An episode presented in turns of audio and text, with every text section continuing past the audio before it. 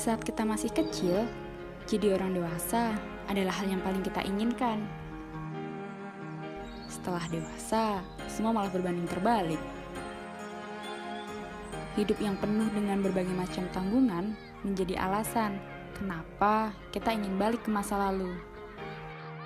Hmm, kenangan masa kecil memang selalu menjadi kenangan yang menyenangkan ya. Tapi setelah dipikir-pikir, kalau kita lihat ke belakang, kita bisa banyak belajar dari seorang anak kecil loh. Pertama, anak kecil itu pemaaf. Baru berantem sebentar sama temennya aja, udah bisa langsung baikan lagi. Walaupun kadang harus diselingin nangis dulu sih, hehehe. Kedua, anak kecil juga nggak pernah pelit kasih senyum.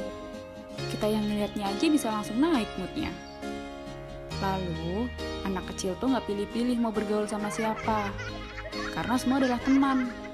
Mereka nggak peduli tuh sama si ini latar belakangnya apa, ataupun si itu orang tuanya siapa.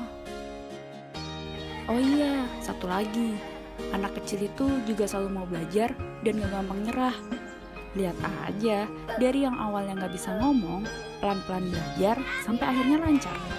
Dari yang awalnya gak bisa jalan, ngerangkak, berdiri, lalu bisa jalan, bahkan lari. Wah, keren banget ya kita. Para mantan anak kecil yang sudah bertemu dewasa. Kalau kamu, apa yang dikangenin dari masa kecil?